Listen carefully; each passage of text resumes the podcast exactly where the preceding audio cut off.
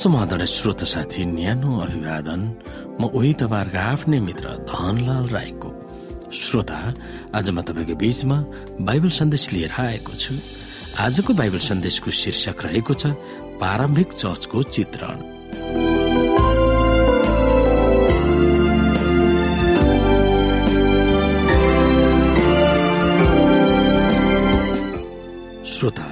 आजको अध्याय प्रेरित दुई अध्यायको एकचालिसदेखि सडचालिसबाट। सुरुको चर्चको चित्रण यहाँ कसरी गरिएको छ हामी यहाँ हेर्न सक्छौ। एकचालिसमा तब जजसले उनको कुरा ग्रहण गरे तिनीहरूले बत्तिसमा लिएर त्यसै दिन प्राय तीन हजार मानिसहरू तिनीहरूको संख्यामा थपिए। तिनीहरू प्रेरितहरूका शिक्षा संगति र रोटी भाँचन र प्रार्थनामा भक्ति साथ लागिरहन्थे। हरेकको हृदयमा भय उत्पन्न भयो र प्रेरितहरूद्वारा धेरै अचम्मका काम र चिन्हहरू भए। विश्वास गर्नेहरू जति सबै एकसाथ बस्थे र तिनीहरूका सबै थोक साझा थिए। तिनीहरूले आफ्ना सम्पत्ति र माल सामान बेचिकन ज जसलाई जे जे कुराको खाँचो पर्थ्यो सबैलाई ती बाँडिदिन्थे।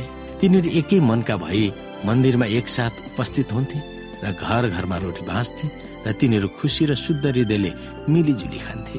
र परमेश्वरको प्रशंसा गर्दै र सबै मानिसहरूबाट शुभेच्छा पाउँदै बस्थे। उद्धार पाउनेहरूलाई प्रभुले दिनदिनै तिनीहरूको संख्यामा थपिदिनुहुन्थ्यो। श्रोता प्रारम्भिक चर्च कस्तो थियो भनेर सुन्दर चित्रण गरेर प्रेरित दुई अध्याय अन्त्य गरिएको छ। जो बत्तिसमा लिएका थिए चेलाहरूसँग तिनीहरू थपिएका थिए भनेर प्रेरित दुई अध्यायको एकचालिसले बताउँदछ। चेलाहरूको संख्यामा कति नयाँ विश्वासीहरू थपियो भनेर हामी गर्न सक्छौ। तर त्यो गर्नुको अर्थ सुसमाचारको बारेमा हाम्रो बुझाइ कम भएको देखिन सक्छ। बत्तिसमा लिने ती विश्वासीहरू सुसमाचार सुनाउन सक्रिय भएका थिए भनेर हामीले बुझ्न सक्छौ। सुरुको इसाई चर्चको मुख्य काम भनेको चेलाहरू वा यसुका अन्यायहरू बनाउने थियो। जब नयाँ सदस्यहरू थपे तब तिनीहरूलाई ती प्रकारले चेला बनाएका थिए। पहिले त जब तिनीहरू बत्तिसमा लिए तब तिनीहरू आफ्नो घर घरमा गएर आफ्नो घर धन्दामा मात्र लागेका थिएन। तिनीहरूले चेलाको शिक्षा दिशा सिकेका थिए र संगतिमा लागेका थिए। शिक्षा र संगति भन्नुको तात्पर्य तिनीहरूलाई सुसमाचारको बारेमा सिकाइएको थियो र चेलाहरूसँग सहभागी भएका थिए। गलत धार्मिक शिक्षा दिशामा लागेका मानिसहरूलाई प्रेरितले नयाँ कुराहरू सिकाएका थिए र त्यो तिनीहरूले अनुभव गरिरहेका थिए।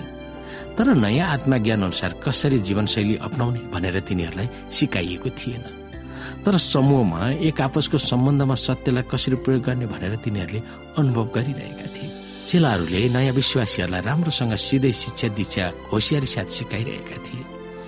विश्वासको साथ आत्मज्ञान र परमेश्वरको वचनमा पनि नयाँ विश्वासीहरू साक्षर हुनुपर्छ भन्ने ती चेलाहरूको नियत थियो। आफ्नो दैनिक जीवनमा एक आपसमा मिलिजुली रहनुपर्छ भनेर पनि तिनीहरूले सिकेका थिए।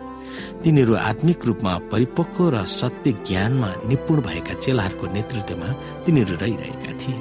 सिकाउनु पर्छ भनेर भन्ने तर कसरी सिकाउनु पर्छ भनेर प्रचार गर्ने अपरिपक्व प्रचार हो।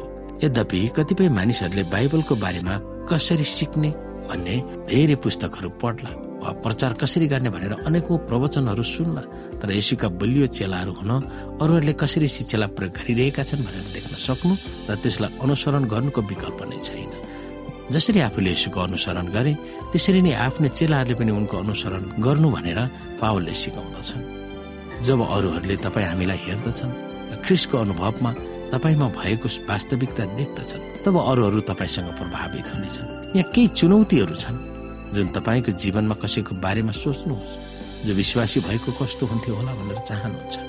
दिनदिनै उनको निम्ति प्रार्थना गर्नुहोस् ताकि उनले यसोसँग व्यक्तिगत सम्बन्ध हुन सकोस्। यसै गरी चुनौतीको कार्यान्वयन हामी यसरी गर्न सक्छौ।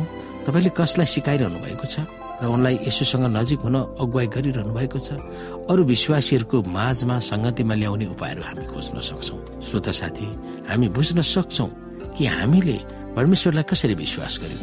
कुन माध्यम र कुन तरिकाहरूद्वारा हामीले प्रभुलाई पूर्ण रूपमा हामीले उहाँलाई स्वीकार गर्न पुग्यौँ?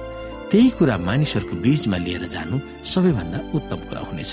धेरै पुस्तकहरू पढेर पढाएर र धेरै प्रवचन दिएर होइन। हाम्रो जीवनमा परमेश्वरको उपस्थितिलाई खोज्नु पर्दछ परमेश्वरको उपस्थिति हाम्रो जीवनबाट झल्किनु पर्दछ त्यसो भयो भने हामी अन्य मानिसहरूको बीचमा प्रचार गर्न सक्दछौ र उनीहरूले पनि परमेश्वरलाई विश्वास गर्न सक्दछ। जबकि तपाईँ र मैले परमेश्वरलाई विश्वास गर्यौं। यही आधारमा हामी चल्नु अति आवश्यक देखिन्छ।